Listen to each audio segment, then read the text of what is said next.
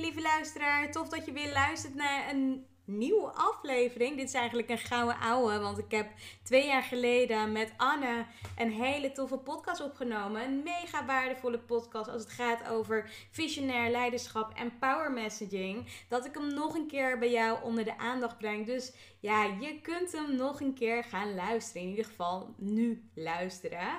Ehm, ja, in deze podcast hebben we het over verschillende dingen, zoals ja, natuurlijk Anne zelf, maar ook heel veel over marketing, sales, visionaire boodschappen ehm, en nog heel veel meer. En ja, het ondernemen zelf, prijzen vragen, ehm, investeren in jezelf, high-end ondernemen. Nou, genoeg stof om, uh, om je te vermaken. Dus ik zou zeggen, geniet van deze podcast en van je dag. En ik spreek je snel weer. Ciao! Welkom bij de Impact Makers Movement podcast. De plek waar de meest inspirerende, baanbrekende en hartverwarmende ideeën worden gedeeld door de echte impactmakers en earthshakers van deze tijd. Zij die het beste met anderen voor hebben. Zij die alles op alles zetten om hun voetdruk achter te laten en deze wereld beter achter te laten dan het moment dat ze hier kwamen. En natuurlijk zij, die dagelijks de mouwen opstroopt om de allerdiepste geheimen voor jou naar boven te halen. Hier is ze dan, je host, Artina. Met duizenden luisteraars bij de Succesverhalen podcast, meer dan duizend vrouwen te hebben geïnspireerd en baanbrekende online programma's te hebben gelanceerd om meer winst te halen uit je business. Dagelijks is ze actief op social media om haar stem te laten horen en andere impactmakers wakker te schudden zodat jij dagelijks geïnspireerd wordt met de aller, allerbeste ideeën van deze tijd. Waar ze met haar sprankelende energie op magische wijze de meest interessante mensen bij elkaar weet te brengen, zodat de bijzondere verhalen die nooit, maar dan ook nooit gedeeld worden, eindelijk op tafel komen te liggen. Hier speciaal in de Impact Makers Movement podcast. Are you ready? Archana Harku. Nou, super tof. Ik zit vandaag bij Anna.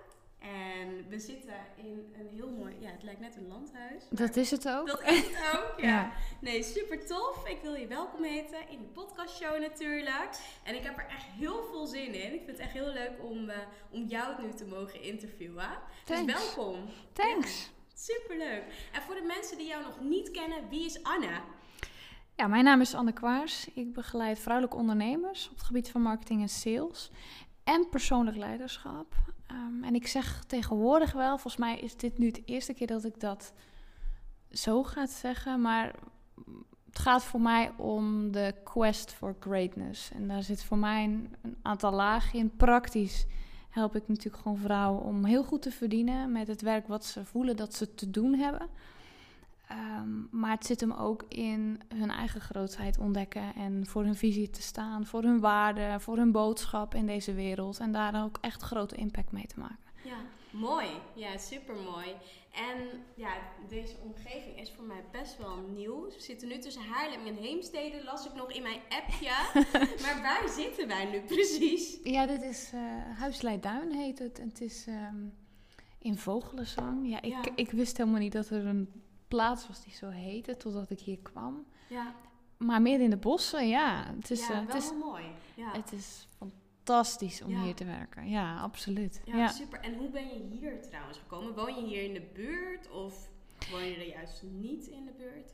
Nou, ik heb, ehm, nou, om, om je een idee te geven van mijn zwerftocht door, eh, door Nederland. Ik heb 30 jaar in Zeeuws-Vlaanderen gewoond, dus het onderste stukje van Zeeland. Toen ben ik in 2018 naar Baarn gegaan ehm, en toen heb ik daar een jaar gewoond. En nu woon ik in Zandvoort, pal aan zee. Dat bloedkruid waar het niet gaan kan. Ik wilde weer terug naar de zee. Ik, Oh eh, ik heb nu een huis wat eh, echt rechtstreeks uitkijkt op de zee. Ja.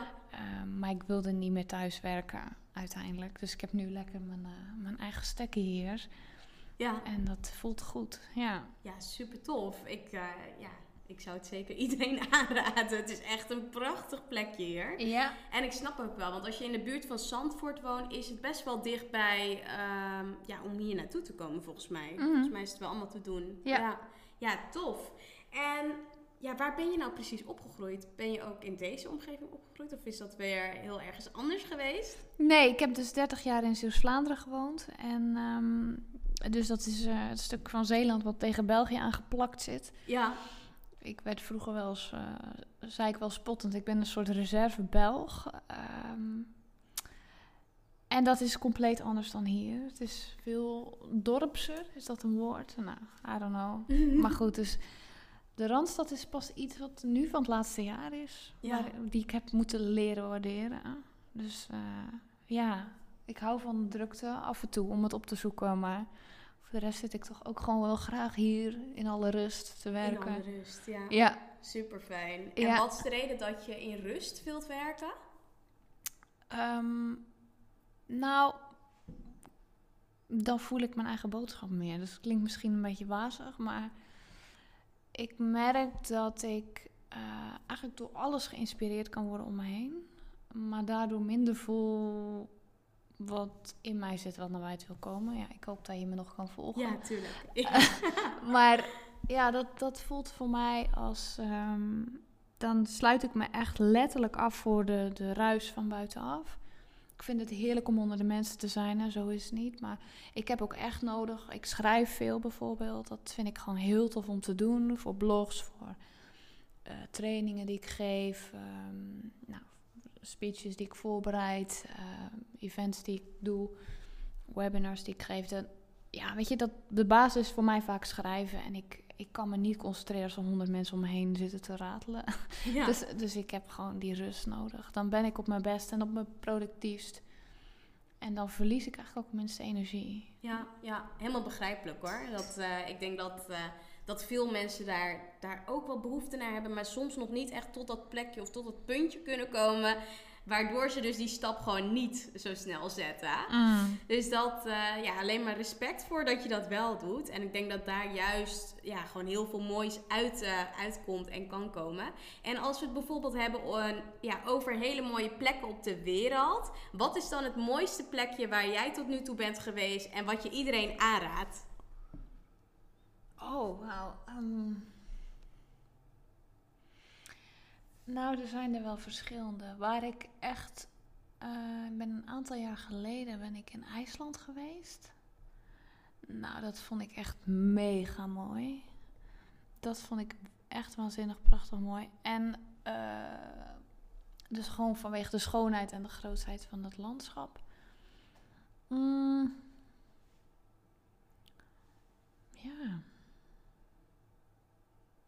En, eh, en misschien nog wel het mooiste daar vond ik dat je daar echt uren kon rondrijden. En gewoon geen hond zag. Echt Mm. gewoon helemaal niemand. En dan is het dus net alsof ik. Ik was dan samen met een vriendin en wij gingen daar om te gaan fotograferen. En het was gewoon net of de natuur het had overgenomen.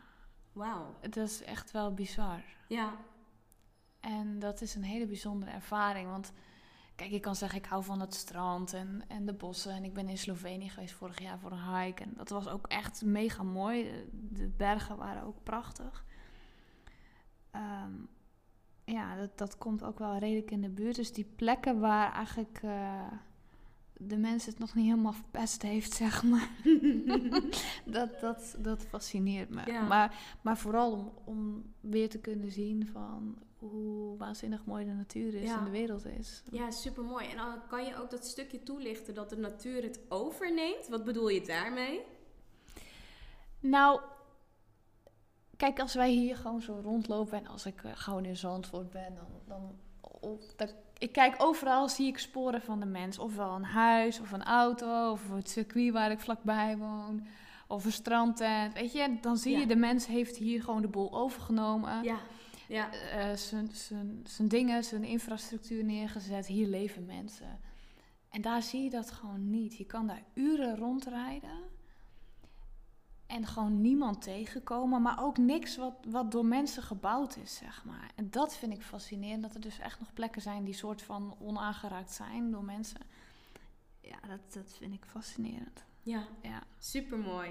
Ja, ik denk dat ook wel ja, best wel bijzonder is. Ik heb dat ook wel eens als je dan ja, ik ben wel eens bijvoorbeeld naar de Grand Canyon geweest. Mm. En dan loop je daar en dan denk je echt zo van wauw, dat is echt super tof. Want je komt er bijna, jij komt, je komt eigenlijk bijna niemand tegen op de plekken waar niet zo heel veel toeristen zijn. Maar dat heb je ook, ja, eigenlijk, ik denk dat je dat ook, datzelfde gevoel ja, in IJsland naar, naar boven kan halen. Omdat gewoon niemand er is. En dan denk je wauw, oké, ja, ja, echt ultieme rust. absoluut. Ja, Ja.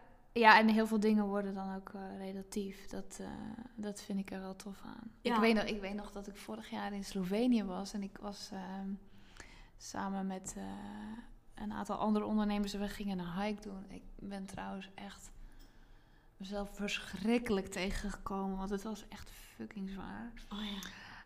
Ik had iets van 20 kilo op mijn rug. En nou, kilometers klimmen met zo'n zware bepakking vond ik toch niet heel fijn. Maar goed, ik heb het wel gedaan. Heel goed.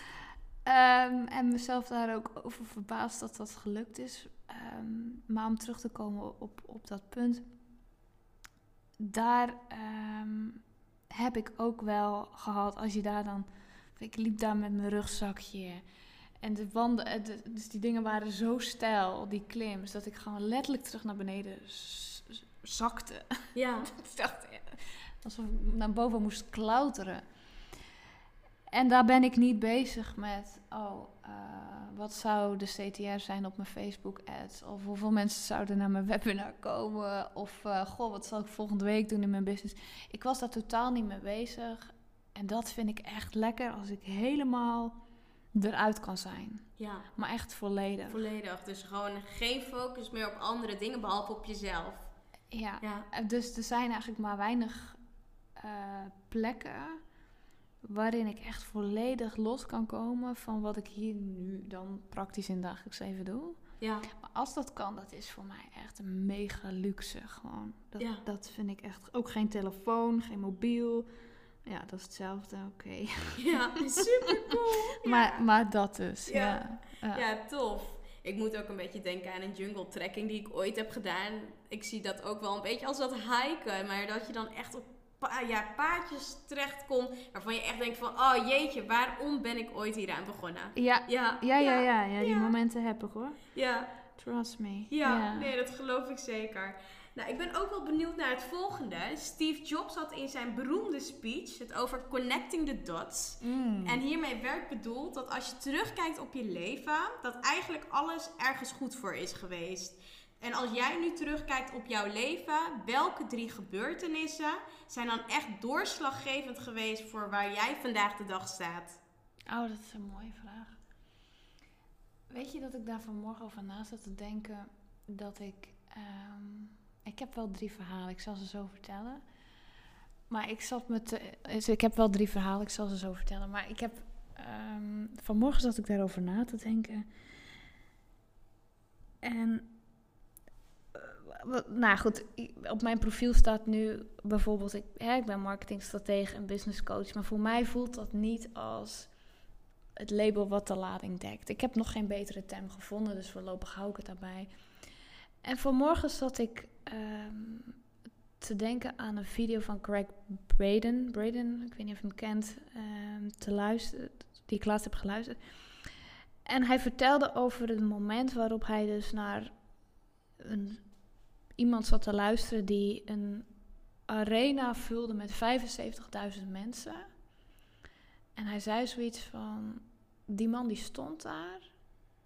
En hij kreeg het voor elkaar om met zijn boodschap 75.000 mensen te raken. Puur door die boodschap te delen. En de manier waarop die mensen naar zichzelf en naar de wereld kijken te veranderen. Puur door het uitdragen van zijn boodschap. En dat raakte mij. Toen dacht ik, ja, dat is wat ik ook wil doen.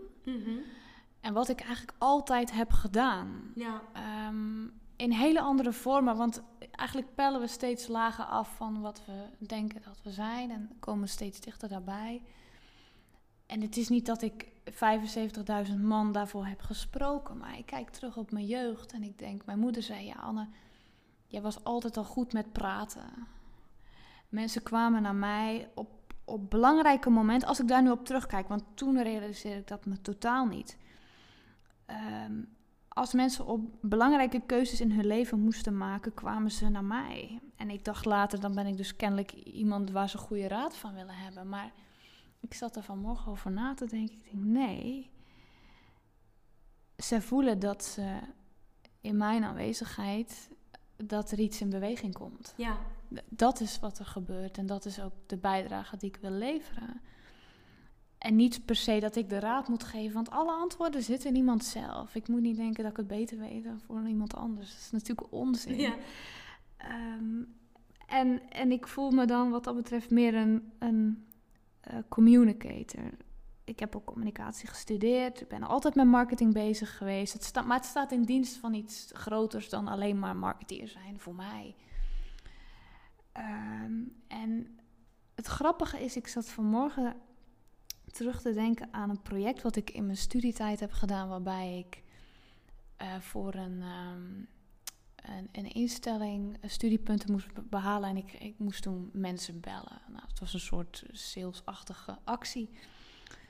En aan het einde voor een onderzoek en aan het einde moesten die resultaten gepresenteerd worden. En toen kwamen ze naar mij, terwijl de directeur ook een speech had kunnen geven. Ik was daar gewoon als student ingehuurd, zeg maar, om wat te doen. En toen werd er gevraagd, Anne, wil jij de speech geven? En dat was voor het eerst dat ik voor 160 mensen mocht spreken die mij niet kenden. En ik was dat incident eigenlijk vergeten. En ineens voelde ik dat vanmorgen weer. Net zoals ik met de badwedstrijd heb meegedaan. Dus ineens dacht ik, ja, ik heb altijd um, ben ik gefascineerd geweest door wat een boodschap teweeg kan brengen in het leven van mensen. Ik, als ik terugkijk naar wie me inspireren, bijvoorbeeld een Lady Gaga inspireert mij enorm, Martin Luther King inspireert mij enorm, uh, Nelson Mandela inspireert mij enorm, Oprah Winfrey inspireert mij enorm, Tony Robbins. Dat zijn allemaal mensen die allemaal op hun eigen manier en natuurlijk ook in wie ze zijn en wat ze doen, maar ook door hun boodschap en de kracht van hun woorden het leven van mensen konden veranderen. En ik vind dat mega, mega, mega inspirerend. Ja. Dus ja, dat, door te kijken naar wat je als mens hebt gedaan en, en terug te kijken op wat zijn nou de defining moments geweest, dan ontdek je eigenlijk dat je altijd al op dat pad zat. Ja. Ja. Maar het misschien niet als zodanig hebt gezien. Nee, of zo ervaren. Dat je dan wel bepaalde gebeurtenissen in je leven hebt meegemaakt. Of situaties of mensen op je pad krijgt. Ja. Maar daar nog niet echt was. Waar nu dan de puzzelstukjes van bij elkaar zijn gevallen. En dat je echt denkt van, oh ja, Ja. ik snap het. Ah, Ja, ah. ja. Ja, jij vroeg nou die, die drie verhalen. Ja. Mm. Ja, ik zit even te twijfelen of ik het ga vertellen, want het is best wel persoonlijk. Mhm. Mm, Maar ik denk dat het ook wel waardevol is voor mensen om het te, te weten. Of, of dat ze er iets uit kunnen halen voor zichzelf. En het eerste verhaal, of het eerste moment, is het moment waarop ik besluit om ehm, mijn jeugdliefde, laten we het zo noemen, ehm, om die relatie te beëindigen. Dat was een, nou, om het samen te vatten, een heel ongezonde relatie. En ehm, ik weet nog dat ik toen besloot van ja, weet je, deze man of deze jongen die beperkt mijn groei. Of laat ik het anders zeggen, ik laat mijn groei beperken door hem als ik bij hem blijf. En dan kies ik eigenlijk, bewust of niet, voor een leven wat heel ver weg staat van mijn potentieel. En toen ik me dat realiseerde, dacht ik, ja, ik moet die relatie gewoon beëindigen. Het is niet goed voor me. En ehm, ik weet nog dat dat moment dat ik besloot om daar dus een punt achter te zetten. En ja, ik weet niet of je dat herkent, maar zo'n moment dat je weet dat je iets gaat doen wat je echt mega spannend vindt. Dus ik zit in de auto en mijn handen zweten en ik voel mijn hart echt in mijn keel bonken, knoop in mijn maag en ik kom binnen en hij ziet gewoon meteen, dit is foute boel. Zij gaat iets doen wat, ik, wat mij niet aanstaat, zeg maar. Ik, kon ze, ik zag dat gewoon aan zijn gezicht. En ehm, hij zegt, wat is er? Echt op zo'n dwingende toon. En ik zeg, ja, weet je, ik... eh, ik ga deze relatie beëindigen. Dit is niet goed voor mij. En ik ga alleen verder, zo. En hij werd super agressief, laten we het daarop houden. En ehm, nou, het doet nou niet toe wat, wat er allemaal gebeurde. En die details, dat, dat laat ik voor wat het is. Maar hij werd in ieder geval heel boos. Mhm. En ehm, hij zei, jij kan het niet alleen, zei. Echt kleinhoudend. En ik heb toen op dat moment besloten om eigenlijk al mijn moed bij elkaar te rapen en meer voor het eerst in mijn leven te besluiten om meer in mezelf te geloven dan de mening van iemand anders. Ja. En ik zei, eh, ik heb mezelf weer bij elkaar geraapt en ik heb hem zo aangekeken. Ik zei, nou, dat, dat zullen we dan nog wel zien. Hè, of dat zo is. Tien jaar later sta ik eh, wederom op een punt waarop ik eh, mijn relatie daarna... Ik heb heel veel lange relaties gehad, ben weinig alleen geweest. eh, beëindig om naar Baarn te gaan. Om naar? Baarn te gaan, waar ik dan voor, vorig jaar nog woonde. Ja. En ehm, ik had toen, ik kwam uit een heftige periode. Dat is die periode na Tony Robbins dat ik eh, Ja. wegging bij mijn ex na negen jaar. En ik heb toen een paar maanden, eh, om een lang verhaal kort te maken, bij mijn zus gezeten. Want alles flikkerde in elkaar. En ehm, na een paar maanden vertrok ik weg uit Zeeuws-Vlaanderen naar Baarn toe. En eh, ik dacht, ja, het zat midden in de lancering van mijn boek. En ik had eigenlijk geen tijd om, om, om te gaan verhuizen. Dus ik had een verhuisbedrijf gebeld. Dus op een goede dag, ik eh, ga verhuizen van Zeeuws-Vlaanderen. Weg uit eh, het oude vertrouwde omgeving. Nou, tussen aanhalingstekens de grote stad. Zo groot is maar niet, maar goed. Je snapt me. Ja. En dan gaat de deurbel. Dus ik loop naar beneden en ik niks vermoeden doe die deur open. Staat diezelfde man. Staat voor de deur. Oh my god. En ik keek naar boven en ik dacht: wat de fuck is dit zeg? Is dit. En het was, dit was zo'n eikmoment voor mij. Dat ik dacht: holy shit, ik had gewoon nog bij jou kunnen zijn. En dan had mijn leven echt zo compleet anders geweest.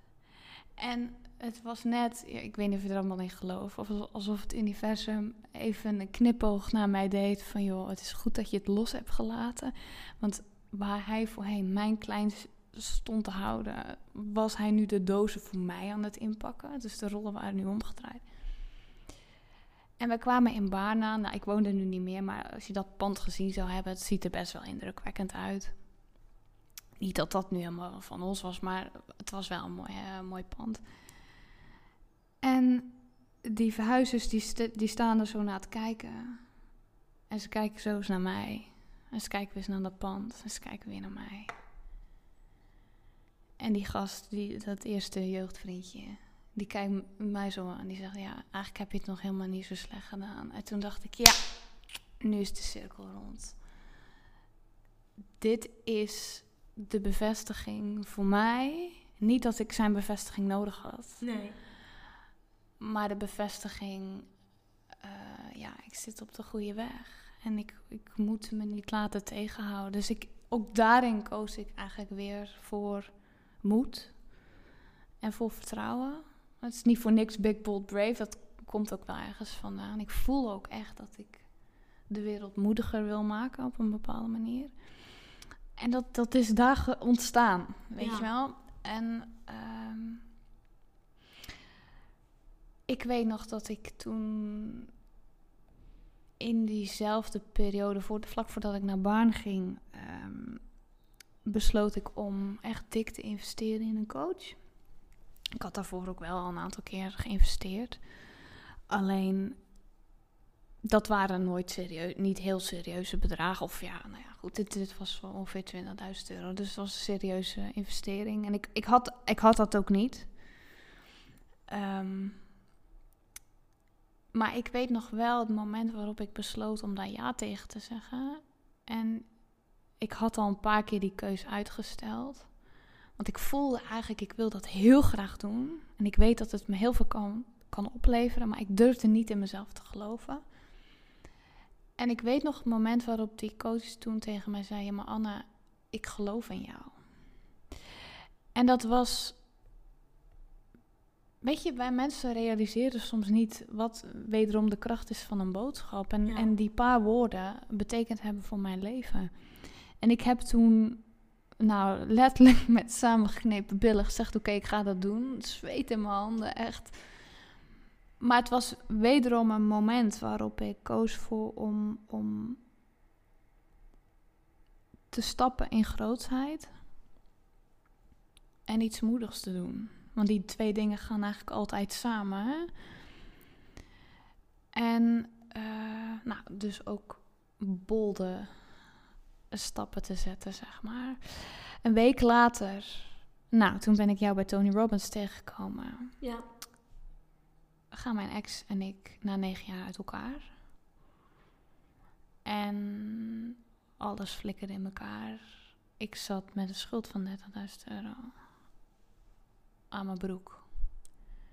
En al het geld wat ik had, had ik in mijn bedrijf gestoken en in de coaching en een team en al die dingen. Of... Ja, en daar stond ik dan. En ik heb me daar echt voor geschaamd, want ik dacht, Jezus man, ik dacht dat ik, ik, ik, ik ben tussen aanhalingstekens, misschien is het heel belachelijk om het te zeggen, maar ik ben niet zo'n type dat op zijn bek gaat. Mhm. Of ehm, dat ik, ik ben iemand, ik heb het allemaal onder controle, weet Ja. je wel. Terwijl nu werd ik eigenlijk nou, gedwongen om, om op een bepaalde manier nederig te zijn. Maar ook wel, achteraf gezien, is dat een... Ik, ik moest bij mijn zus aankloppen. Ik ben haar overigens nog steeds dankbaar. Dus daar zat ik dan. Ik moest een boek schrijven. De academie werd gebouwd. Eh, en ik zat met die schuld. Ik kon ergens heen. Al mijn spullen stonden bij mijn ex. En in principe was alles ook van hem. en ik zit daar op een, op een zolderkamertje, 20 vierkante meter, tot midden in de nacht te werken. Webinars te geven. My ass off te werken. Om het te regelen. En achteraf gezien, het was natuurlijk een verschrikkelijke tijd. Ik moest mijn boek ook, ook ehm, schrijven. Ik had daar ja op gezegd. Ik, en ja, dan ga ik daar, als ik een commitment aanga, dan ga ik het aan, punt. Dus ik zei, oké, dat boek moet er komen. Alles moet komen. Die schuld moet weggewerkt worden. En steeds dacht ik, maar hoe dan? Weet je, ik heb geen energie meer. Ik wil eigenlijk gewoon in mijn nest blijven liggen. Ik kan niks meer doen. En toch, achteraf gezien, denk ik dat dat een heel groot geschenk is geweest. Ja. Want, kijk, ik heb gevraagd om, om kracht. Maar pas op wat je vraagt. Want als je om kracht vraagt, wat krijg je dan? Situaties waarin je sterk kunt zijn. Ik heb gevraagd om moed. Wat ik kreeg waren situaties waarin ik moedig kon zijn. En ik had dat die moed en die kracht nooit kunnen ontwikkelen als ik dat niet had gehad. Ja. Dus ik heb daar wel heel veel van geleerd. Het heeft mij een rijker mens gemaakt. En, en ook nederig in de zin van, weet je, dingen kunnen ehm, uit je handen vallen. Er kunnen dingen gebeuren. Je kan zelf fouten maken. Het maakt eigenlijk niet uit. En de vrijheid zit ook niet in wat je hebt opgebouwd. De vrijheid zit in jouw vermogen en in het vertrouwen in jouzelf. Dat je dingen voor elkaar kan krijgen. Dus dat, dat is eigenlijk het tweede moment waarin ik besloot: oké, ik kies voor grootheid Ja. en, en die coach begeleidt me daarmee. Met alle, Alle, Alle- alle impact Ja. eh, van dien. Ja. En het derde moment, dat was eh, voorjaar 2018. Ik sprak een vrouw en zij wilde. Ik heb dan een jaarprogramma waarbij ik vrouwelijke ondernemerscoach. En zij wilde heel graag een, stap zetten met haar bedrijf. En ze had al behoorlijk wat geworsteld met, met haar bedrijf. Het kwam niet helemaal wat lekker van de grond. En zij was daar behoorlijk over gefrustreerd. Nou, dat soort verhalen hoor ik natuurlijk wel vaker. En dat is ook niet nieuw of gek voor mij of zo. Maar in dit geval wilde zij dat heel graag doen. En ze zei, ja, ik ga even kijken hoe ik het geld bij elkaar uh, moet krijgen, bla bla bla. Een week later spreek ik haar weer. Had ze het er met een man over gehad. En haar man had gezegd: Ja, schat, moet je dat nou wel doen? Het is wel heel veel geld en bla bla bla bla bla. En ik weet niet wat er toen gebeurde, maar ik denk dat alles in mij echt, er knapte gewoon iets. Ik dacht, hoe is het nou toch in godsnaam mogelijk dat ik hier tot op de dag van vandaag zo heb geknokt om vrij te zijn? Want dat is het. En dat dan een van mijn zusters, zo voelt het, gewoon besluit: ik doe het niet. Ik kies niet voor mezelf. Ik krimp. Omdat ik zijn stem belangrijker vind. Ja, heftig hè? Dan die van mij. En daar knapte iets. En ik ben toen. Ik heb in een soort van woede, dat is dan mijn energie, waarop ik heel veel kan creëren. Dat is vaak woede. Inmiddels kan ik het trossen. Ja, ja, ja. naar, naar, liefde. Maar ik voelde toen echt woede en het moest eruit. En ik heb toen uh, een soort van manifest geschreven. En de, de titel was ook: Dit is de bloody limit. En ik, dat voelde ook echt van: nu is het klaar. En achteraf gezien denk ik, maar dat is het moment geweest waarop ik voelde: nee, nu wil ik gewoon vrouwen helpen. En ik ben dol op mannen. Ik heb ook een aantal mannelijke klanten. Maar mijn, mijn message gaat eigenlijk over het bevrijden van vrouwen.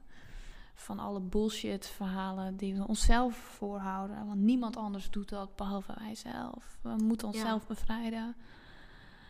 Ja, dus, dus dat zijn de defining moments geweest, denk ik. Ja, ja heel bijzonder. En um, nou, je, je, gaf aan, je had, op een gegeven moment had je een schuld van 30.000 euro. Mhm. Hoe, um, ja, hoe lang heb je erover gedaan om daar echt uit te komen? Want je vertelde, je was echt dagenlang met webinars bezig en ja. echt daarmee bezig om het weg te werken. Heeft dat nog een lange periode geduurd voordat alles weg was?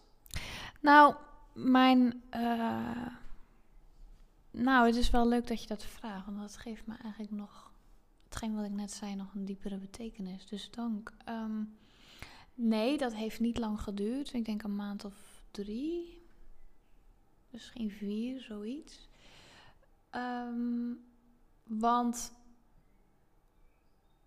ik, waar ik gewoon heel goed in ben, is sales.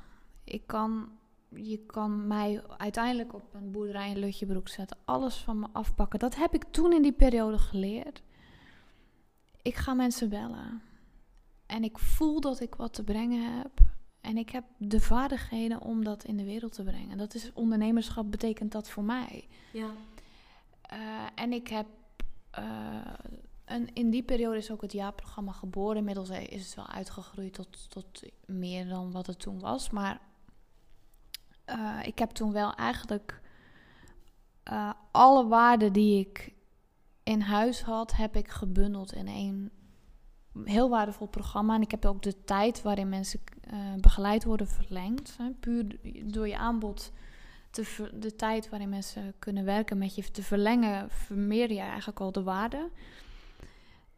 En uh, ja, dus ik ben daar toen mee begonnen. Ik ben dat gewoon gaan verkopen ook. Um, overigens zijn een aantal mensen die daar toen in gestapt zijn, zijn nu nog steeds bij mij. Een aantal dus de mensen die nu klaar zijn, zijn weer al aan het verlengen, omdat ze het gewoon zo waardevol vonden. Dus dat is wel heel tof. Maar dat is daar ontstaan. Ik, had toen, ik heb toen wel gekeken hoe kan ik uh, met de weinige energie die ik heb, want ik, ik, zat gewoon echt niet lekker in mijn vel, maar ik moest wel iets doen. Hoe kan ik eigenlijk zo simpel mogelijk um, maar zo waardevol mogelijk aanbod maken. Een simpel bedrijf, maar wel maximale waarde voor de klant en voor mij. Dus dat high-end ondernemen, als je het zo wil noemen, um, dat heeft daar wel enorm mij geholpen. Ja. De vaardigheid om een goede prijs te vragen maakt je vrij. En, en ook te kunnen zien wat je in feite allemaal in huis hebt. Want ik denk dat heel veel, zeker vrouwelijke ondernemers, gewoon echt geen flauw benul hebben hoeveel ze waard zijn. Ja. En wat ze allemaal daarmee kunnen. Bij de juiste klanten dan. Hè. Ja. Je richt die dan niet op de massa, maar... En als Ja. je kijkt naar bijvoorbeeld de luisteraar die nu aan het luisteren, of aan het luisteren, straks aan het luisteren is. Hmm. En eh, die denkt van ja, maar Anne, hoe kom ik nou aan mijn waarde? Hoe weet ik nou wat mijn waarde is? Heb je daar bepaalde opdrachten voor die ze zouden kunnen doen? Of ja, Hmm. hoe kom je daarachter? Nou ja, het begint eigenlijk met je te realiseren dat het gaat om dat eigenlijk klanten altijd betalen om een bepaald resultaat voor elkaar te krijgen. Ehm, Ze, willen, ze betalen voor resultaat en voor het oplossen van een probleem. Ehm, en ehm, daar kun je ook vaak wel een bedrag aan hangen. Ik bedoel, bij mij gaan de dames in ieder geval door de ton heen in het programma, vaak ook meer. Ja, dat, dat, is, dat, is iets, dat is een heel duidelijk resultaat. En wat, wat heel veel eh, coaches, consultants en trainers vaak doen, is zij zetten het proces centraal. En de hoeveelheden uren ze werken of eh, nou, wat ze dan allemaal wel niet doen. En eigenlijk is dat voor een klant helemaal niet zo boeiend. Die wil gewoon weten, joh, wat levert het op? Wat, hoe ziet mijn situatie eruit nadat je mij hebt geholpen? En ehm, welke, hè, welke problemen die ook iets kosten, bespaar ik daarmee? Ja, Want dat wordt vaak vergeten. En we, we zien eh, vaak onvoldoende onze eigen waarde daarin. We, we zijn te veel gefocust op wat we zelf vanzelfsprekend vinden. ja, In plaats van wat een ander eigenlijk bereid is om te betalen om een bepaald probleem op te lossen. Want dat is waar we ervoor zijn. Hè? Dus daar begint het. ja, ja, super mooi. Ik denk dat, dat als je dat dus echt gewoon weet eh, voor jezelf, gewoon weet op te noemen en te kijken en te bekijken van oké, wat is nou echt mijn waarde en welke resultaten behalen het klanten doordat ik coach of doordat ik ehm, ja, weet je, een online programma aanbied. En welke problemen besparen ze daarmee? Nou, Mm. dan kun je inderdaad gewoon je waarde ook gewoon beter inschatten en veel beter dan dat je misschien eh, doet. Ja. ja. ja. Nee, tof. En op je website las ik namelijk het volgende. Ik daag vrouwelijke ondernemers uit om groots en succesvol te gaan ondernemen. Mm. En wat zie jij zelf als groots? Kun je dat omschrijven? Hmm. Ja, dat vind ik een leuke vraag. Nou ja, weet je, voor mij betekent groot eigenlijk ehm, dat je jezelf continu kan verwonderen over wat je nog meer in, mar- in je mars hebt. Eh, eh, Daisy Amelsbeek zat hier net. Ja. En wij hadden daar ook een gesprek over. Dat eh, zij noemde dat ze heel veel aan het sport is. Om, en, en dan zegt van ja, ik, daarin wordt zo duidelijk waar je grenzen liggen. Maar ook dat je ze kan, kan ehm, verleggen eigenlijk. Klopt, elke keer de uitdaging te zoeken. Ja, Ja. nou dat is, dat is een ding. Dus iedere keer weer te zien van wauw, dat is er ook nog mogelijk. En dat zit hem, het, het groot zit hem niet alleen maar in een bepaalde omzet. Dat zou de lading eigenlijk, of dat zou het tekort doen voor mij in ieder geval. Groot gaat ook over natuurlijk dikke business draaien, heel praktisch, maar ook jezelf dus verwonderen over wat je allemaal in je mars hebt. Ook de grootheid van anderen kunnen zien. Zeker bij coaching vind ik dat we vaak meer redder zijn dan leider. Dus eh, groot durven staan voor je visie. eh, ook lef, echt gewoon lef tonen. Ik denk dat dat heel belangrijk is. Ehm, en grote impact maken in deze wereld. Ja. Dat is groot voor mij. super mooi. Big en bold. Yes, Ja. yes. Ja. Ja, nee, mooi. En stel dat een luisteraar bijvoorbeeld een keer of wel eens klein wordt gemaakt door zijn of haar omgeving of door haar omgeving. Mm. Wat is dan jouw advies in deze situatie en wat zou degene dan het beste kunnen doen? Mm. Nou, het begint denk ik ook om te beseffen dat niemand jou klein houdt. Jij kiest ervoor om jezelf klein te laten houden. Ehm, ja, ik denk dat dat eigenlijk wel de, hè? ja, Ja. dat de essentie is. En natuurlijk, ik bedoel. ehm, natuurlijk vervallen mensen daar wel eens in terug. En dat, dat is ook helemaal niet erg. Maar ik denk dat je wel moet beseffen dat, dat er niemand op deze wereld is die jou gevangen houdt. Figuurlijk gezien. Behalve jijzelf. Vrijheid zit echt in jouzelf. Ja. En in jezelf ook toestaan om precies te zijn wie je bent. En helemaal oké te zijn met whatever. Weet je, als jij voelt dat je niks meer te verbergen hebt, niks meer te beschermen of voor op te komen of te verdedigen, dan ben je echt fucking powerful. En dat fascineert mij. Ik denk dat we uiteindelijk nooit met de buitenwereld in gesprek zijn, maar altijd met onszelf en de oordelen en de twijfels en de overtuigingen, die conditionering die in ons zit. Ehm, en als je dat kunt zien, dat de buitenwereld gewoon niet meer is dan een reflectie van wat er van binnen zit. Ja, dan, dan wordt alles eigenlijk heel simpel. Ja, ja. Voor mij. Ja, klopt. Ja, Herken dat je dat? geloof ik. Ja, ik herken het wel. Want het is ook vaak een reflectie. Want je bent vaak degene... Ja, je bent zelf vaak de persoon die tegen jezelf praat. Of die dan een stemmetje weer hoort. En waarbij je dan denkt... Oh ja, maar... Ja, dat je het dan... Ja, hoe zeg je dat? Naar buiten uitzendt. Of niet letterlijk naar buiten uitzendt. Maar wel denkt van... Oh ja, dat komt natuurlijk doordat... eh, dit en dit en dit... Ja, gebeurt. Ja, Mm. ja. Nee, ik, eh, ja, ik herken het wel, maar het is niet waardoor ik me laat leiden. Ik doe het ook gewoon. En ik denk, ja, vaak denk ik, ja, weet je, kijk ook vaak naar het grotere plaatje van, ja, ik weet gewoon wat, wat, ja, wat voor impact het heeft als ik het juist wel doe. En wat voor impact het heeft als ik het niet doe. Mm. En ja, eigenlijk het grotere plaatje voor ogen houden. Ja, Ja. dat is mooi. Ja. Dat is tof. Ja, nee, super. En nou, wat ik dus ook las, nou, je bent dus op dit moment business coach. Ik weet niet of ik je zo mag noemen of dat dat meer is. Je Ja. niet echt een, een naam aangeven. Maar je hebt dus ook volgens mij veel klanten. Hoe werk jij nou precies met jouw klanten? Is dat één op één of heb jij eh, een online programma waar ze, ja, waar ze ja, dingen van kunnen zien? Hoe ziet dat eruit? Ja, ik heb.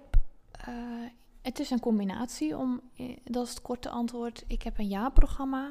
eh, dus ik begeleid mensen een jaar. Ehm overigens zijn er dus veel die nu al aan het verlengen zijn. Dat, wat wel mega tof is om te zien. Eh, maar er is een deel wat gewoon online gebeurt. Dus ze hebben een online academie. Die wordt ook uitgebreid steeds. Ehm, en er zijn twee keer per maand zijn de Q&A's. Dus mensen kunnen daar al hun vragen stellen. Er is een online community. Dus de basis is online. Ehm, en ik spreek mensen ook één op één. Omdat ik gewoon merk dat dat heel veel voor ze doet. Ik weet niet of ik, dat, of ik degene ben die dat blijft doen. Eh, maar ik zie wel de waarde in van één op één. Ehm, dus dat is iets waar ik zeg maar, met het oog op de toekomst nog wel over nadenk. Van blijf ik, blijf ik één op één doen? Dat de Ja. klanten één op één blijven krijgen is prima. Ehm, maar dat hoef ik misschien niet per se te doen. Nu gebeurt dat nog wel hoor. En ehm, even denken hoor. Ja, en dan heb ik een aantal eh, live tweedaagse erin zitten. Oh ja. Dus we hadden. Ja. ehm, Ik zag hem laatst voorbij komen, Ja. volgens mij. Ja. ja, ja, dat is wel echt heel mooi om dat te zien. Want mensen die. ehm, tuurlijk, online kun je superveel doen, maar de echte connectie. Je, ik merk gewoon in de groep, want het is voor een deel dus groep en voor een deel één op één. Is wel echt groeit mega in die twee dagen. Dus ik, ik trek ze echt even helemaal uit hun dagelijkse doen. Ze komen hier lekker naar het landhuis en eh, we hebben onze eigen bubbel even weg van de buitenwereld. En ja, dat is gewoon magic wat daar ontstaat. Ik kan het niet anders uitleggen. En dat gebeurt ook door de groep. Hè? Puur door mensen bij elkaar te brengen, ontstaat er al heel veel. Ja, super mooi. Ja, dus dat is gaaf. En het is een doorstromend, of een doorlopend programma. Ja, Dus mensen kunnen eigenlijk altijd instromen. Ik doe geen dikke lanceringen. Dit zou kunnen hoor. Ik kan het wel toevoegen aan het verdienmodel. Ehm, maar ik vind lanceren, om eerlijk te zijn, echt verschrikkelijk. Want het geeft heel veel stress en een hoop gedoe. En dan is het voor één keer, weet je wel. En dan kun je het wel weer automatiseren. Maar voor mij voelt het... Kijk, dit is in die zin heel simpel, omdat ik wil gewoon weten met wie ik werk. Ja. Ik begeleid mensen een jaar en ik, begeleid, ik, ik zie hun resultaten ook van dichtbij. Als ik adviezen geef of ze coach, dan doe ik dat ook op basis van elkaar kennen. Niet, Ja. niet zomaar wat roepen, maar echt weten wat er speelt.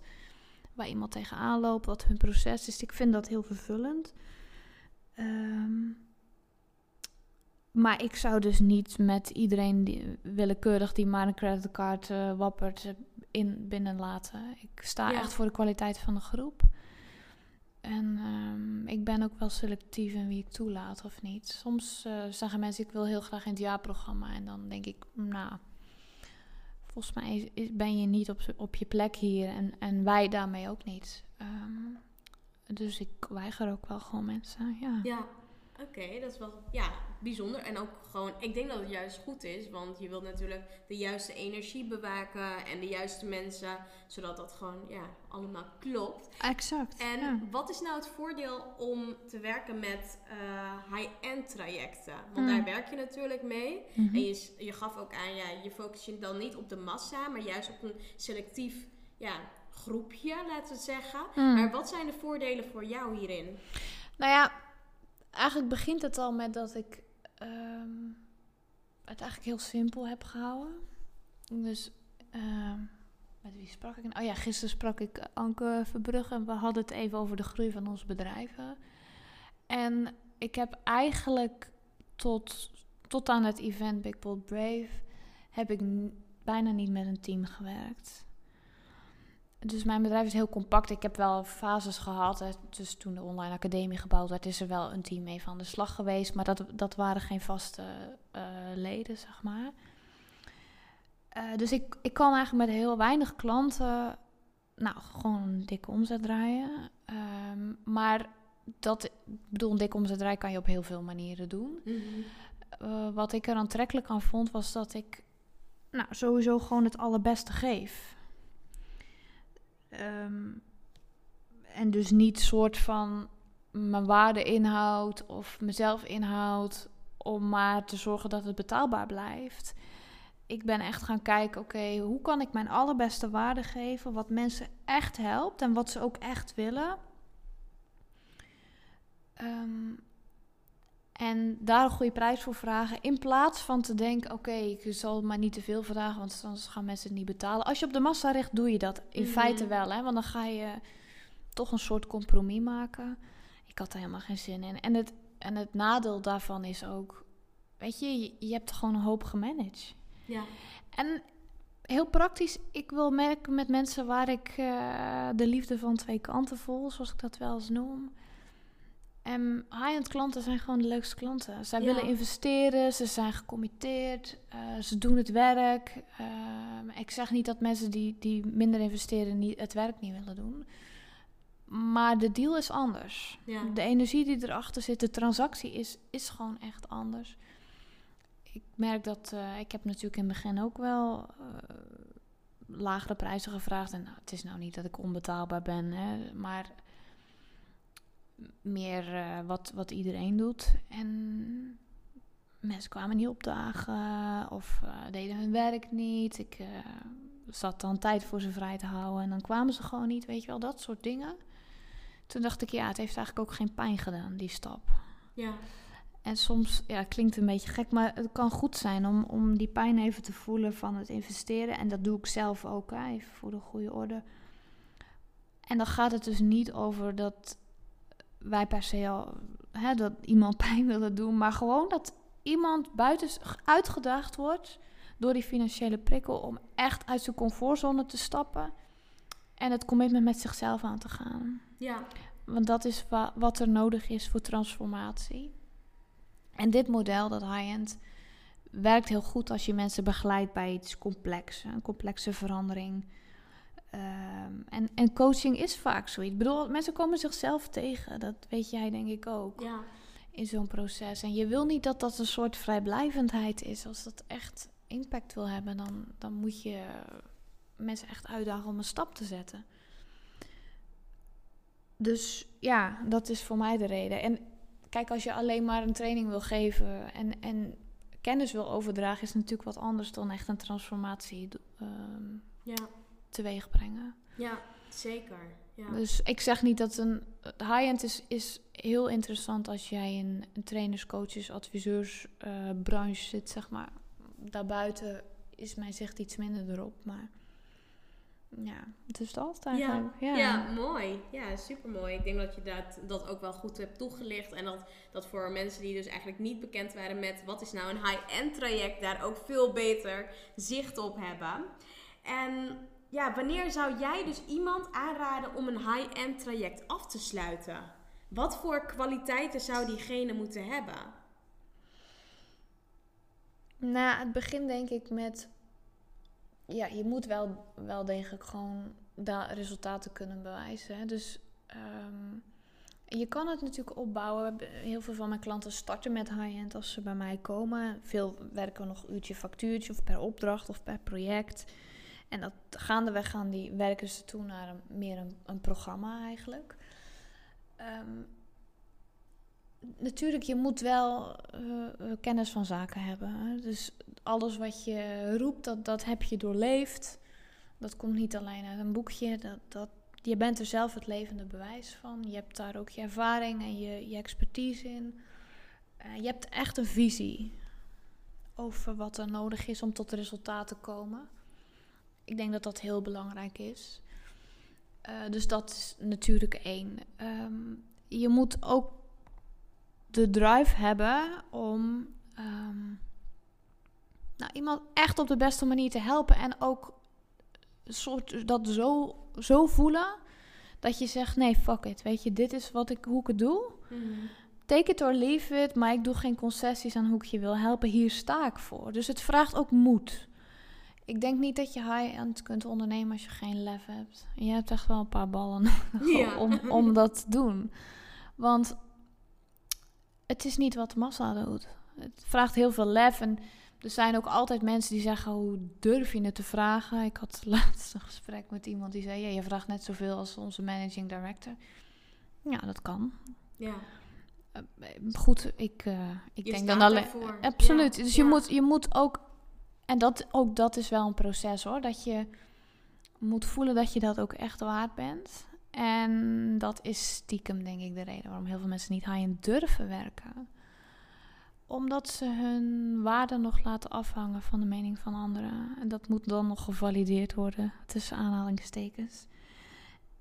Terwijl wat de wereld eigenlijk nodig heeft, is mensen die helemaal geloven in wat ze te brengen hebben. En daar, zich daar ook geen millimeter in inhouden. We, dus iemand zit nog maar te kijken, ze herhalen nog maar het bedrag en, en we, we krimpen al in elkaar. En we denken, oh, maar er kan wel wat af hoor. Oh ja, zo, weet je ja, zo? Ja, ja, ja, terwijl ik denk dat het ook om een leiderschap gaat. Ja, gewoon te durven staan voor de waarde die je in je hebt en wat je waard bent. En, ja, en wat je ook kan leveren denk dat dat ja, ja, absoluut. absoluut. Want, want je verkoopt geen gebakken lucht of uh, een soort van drol met een strik eromheen. Nee. oh, jij denkt in beelden, ik zie het. nee, het, nee. Nee, je hebt wel degelijk. Uh, en ik denk ook, vaak is dat een proces dat mensen weten niet, oké, wat levert het dan op? Doe een pilot. Ja, Ga het testen en begin met een case study en tegen een speciaal tarief onder speciale voorwaarden. En bouw je bewijs op, want je moet wel het bewijs kunnen verzamelen. Het is niet. Klopt. Soms zie ik ook wel mensen dat ik denk, hmm, nou, op basis waarvan roep je dat nou? Maar goed, ik probeer mijn oordelen een beetje vol me te houden dan wat dat betreft. Want ik weet het niet. Ik doe dan ook aannames. Maar ja, het, ja, ja. Je hebt wel uh, inhoudelijke expertise nodig. Ja, ja dat, zeker. Dat, dat, dat, is de basic. Uh, ja, dat basic. ook. Ja. ja. En als je bijvoorbeeld kijkt naar jouw grootste uitdaging in het leven op dit moment, wat is die mm. dan? Um, dat het ook makkelijk mag gaan. Dat vind ik nog wel een dingetje af en toe. Ik had, uh, nou, wij hadden het er natuurlijk over dat ik naar, je event, naar jouw event zou komen op 8 maart. Ik wil trouwens nog wel even weten hoe het was. Ja, dat, ja. dat, vertellen we dan straks wel. Um, en ik had gewoon te veel dingen gepland. En ik kan in mijn drive soms voorbij gaan aan wat eigenlijk goed is qua energie voor mij. Ik moet eigenlijk gewoon ehm, iets creëren. En dan bam de wereld in en dan weer even drie dagen niks doen. Dat, zo, zo werkt het voor mij het allerbeste. Dan ben ik eigenlijk op mijn allerbest. Terwijl als ik continu door blijf gaan en gaan en nou, de perfectionist uithang, eigenlijk moet je dan geen ondernemer worden. Dus daarin mag ik absoluut nog leren. Uh, ja, dat is gewoon niet goed voor mij om maar door te gaan, door te gaan, door te gaan, boven mijn energie om. Ik moet gewoon meer tijd hebben om te spelen. Dat is heel belangrijk voor mij. En dus ook te kunnen ontspannen. Ja. Ja. ja. ja. En neem je die tijd nu ook? Wat meer? Of? Steeds meer. Ja. Maar als ik zou zeggen, ja, dat doe ik braaf iedere dag, dan zou ik liegen. Ja. dus ik herken het. nee, ik, ik ben... Je bent goed op weg. Ja, ja. nou, het, het blijft een vraagstuk. Want, um, ja, maar ja, wat kan ik erover zeggen? Ik heb eigenlijk al veel over gezegd. Ja, ja. En uh, heb jij ook wel eens te maken met kritiek? En zo ja, hoe ga je daar dan mee om? heb je daar misschien tips voor de luisteraars? Ja. Nou, ik zei vanmiddag tegen Daisy, ik zei, uh, ik heb tegen mijn team gezegd, als er weer gekakt wordt onder mijn uh, Facebook ads, dan mag je het gewoon verwijderen. Uh, ja, ik krijg veel kritiek. En dat is ergens ook begrijpelijk of zoiets. Want ja, ik, ik ben redelijk onge, nou, ongenuanceerd. Ik ben uitgesproken in wat ik zeg in mijn marketing. En ik weet ook. Kijk, mijn, mijn genius is ook wel om de boel een beetje op te schudden. En dingen te zeggen waarvan ik weet dat het mensen in beweging brengt. Dat, dat is mijn bijdrage. Zo voel ik dat. Ja. Dus ik weet dat dat weerstand oplevert. Sterker nog, wij roepen allemaal tegenwoordig: we willen impact hebben. Maar zodra we dat hebben en we krijgen weerstand, dan deinzen we terug. En ja, als je dan terugdeinst en het daarbij laat, dan heb je dus geen impact. Je moet er doorheen beuken. Ehm, wat voor mij heeft geholpen, sowieso, dus je leert ervan. Hè? Mhm. Ehm, en ik, ik heb er in ieder geval heel veel van geleerd om te zien wat van mij is en wat van de ander is. Ja. En ik denk dat heel veel mensen zich heel erg afhankelijk maken van de goedkeuring en de mening van anderen. Maar ook hun gemoedstoestand enorm laten afhangen van of iemand anders ze aardig vindt, of ze het goedkeuren, of die het ermee eens zijn, bla bla bla bla bla. Terwijl als je heel bent dan kan niks je raken. Dus het begint bij gewoon duizend procent verantwoordelijkheid te nemen voor jouzelf. En te zien dat jouw leven en jouw bewustzijn gewoon een creatie is van jou. Ja. 100 procent. En dat alles wat er om je heen gebeurt en wat in jouw bewustzijn zit, dat dat gewoon een reflectie is van wat er in jou speelt. Ja. Dus als iemand tegen mij zegt, Kwaars, ik vind jou een ijskoude trut of zoiets. en dat, dat kan. Ik lig daar geen seconde meer wakker van. Ik, ik zie het niet eens meer. Dus de, en mijn team haalt het weg, maar... Uh, dus als mensen onder mijn ads nare dingen zeggen, echt gewoon om te bashen, dan wordt het gewoon verwijderd. En mm. daar doe ik ook niet geheimzinnig over. Uh, als het opbouwende kritiek is die echt vanuit liefde gebracht wordt, maar kritisch is, prima, dat is welkom. En uh, nou, misschien doe ik er wat mee, misschien ook niet. Dan zeg ik dankjewel, ik doe er niks mee. En dat hoeft ook niet. Nee. Weet je, wij, we hebben ook een beetje geleerd. Ik weet niet hoe dat bij jou vroeger op school ging. Maar bij mij was het toch echt wel als de meester dan wat zei. Of de juf, dan moest je echt uh, de kritiek uh, goed naar luisteren. En nou, ik denk dat we dat ook wel... Daar soms als vrouw iets te veel in doorslaan. Ja dat we die mening van die ander heel belangrijk maken. Maar nogmaals... het is ook een proces, hè, waar je echt doorheen gaat. Ja. En uh, als je daar doorheen bent en je laat je niet meer ja, door andere meningen uh, jezelf laten kennen... of ja, dat, je, mm. dat je daardoor tegenhoudt... nou, dan ben je echt al echt, ja, door zo'n ding heen gegaan... waar, ja, waar gewoon daarna veel achter zit. Ja, ja. ja dus weet je dat is dus, als je dus voor jezelf kunt zien dat alles van jou, uh, in jouw bewustzijn een projectie is van jou, van wat er in jou speelt, dan kun je dus ook de mening van een ander zien voor wat hij is. Namelijk exact hetzelfde. Ja. Een projectie van zijn wereld. En dat ik denk, oh ja, je, toevallig kom ik voorbij en je hebt gewoon een rotdag en nou, kut voor je. Ja. zeg, maar zo. Ik, ik, lig, ik lig er niet meer. Nee. Tegelijkertijd, natuurlijk, dus dat is de mening van de massa. Dan is er ook nog zoiets als kritiek of de mening van mensen die echt belangrijk voor je zijn. Ja, klopt. En daar zit nog wel een verschil in. Ik merk dat in mijn. Ehm, in de groei van mijn bedrijf, dat ook hand in, gaat, hand in hand gaat met de groei van mijzelf. En dat daar ook echt wel mensen zijn afgevallen qua vriendschappen. En, of mensen die gewoon geen, niet meer snappen waar ik mee bezig ben. Dat hoeft ook niet altijd, maar soms is het, nou, vind ik het toch wel pijnlijk. Ja. Uh, om dat, te constateren dat je elkaar gewoon niet meer begrijpt. Um, en ik las laatst een heel mooi artikel en dat schreef: wanneer mensen kritiek hebben, besef je dan dat eigenlijk niemand aanvalt, maar altijd iets verdedigt in hemzelf. En toen dacht ik, oh wauw, dat vind ik een hele mooie benadering. Dus als iemand. Ja. Dus dan, dat geeft namelijk de ruimte voor onderzoek en nieuwsgierig weer te zijn naar anderen. In plaats van. Dus er is weer ruimte voor verbinding als je die vraag stelt. En, en misschien juist wel uh, dat iemand anders dan kan zeggen joh, wat ik van je nodig heb is dit of dat. Of ik, ik mis je eigenlijk, wat dat er dan onder zit. Ik zeg maar wat, hè. Dus dat vind ik wel heel mooi. En ik stel ook wel vragen hoor. Als, als belangrijke mensen in mijn omgeving uh, er zijn. Ik weet nog dat ik op een gegeven moment een klant had die uh, na twee jaar uh, wegging. En nou, om allerlei redenen, fijn. En een lang verhaal kort zei, ja, wat ik nog wel wil meegeven is, nou, dit en dat. En ik zat er zo naar te luisteren.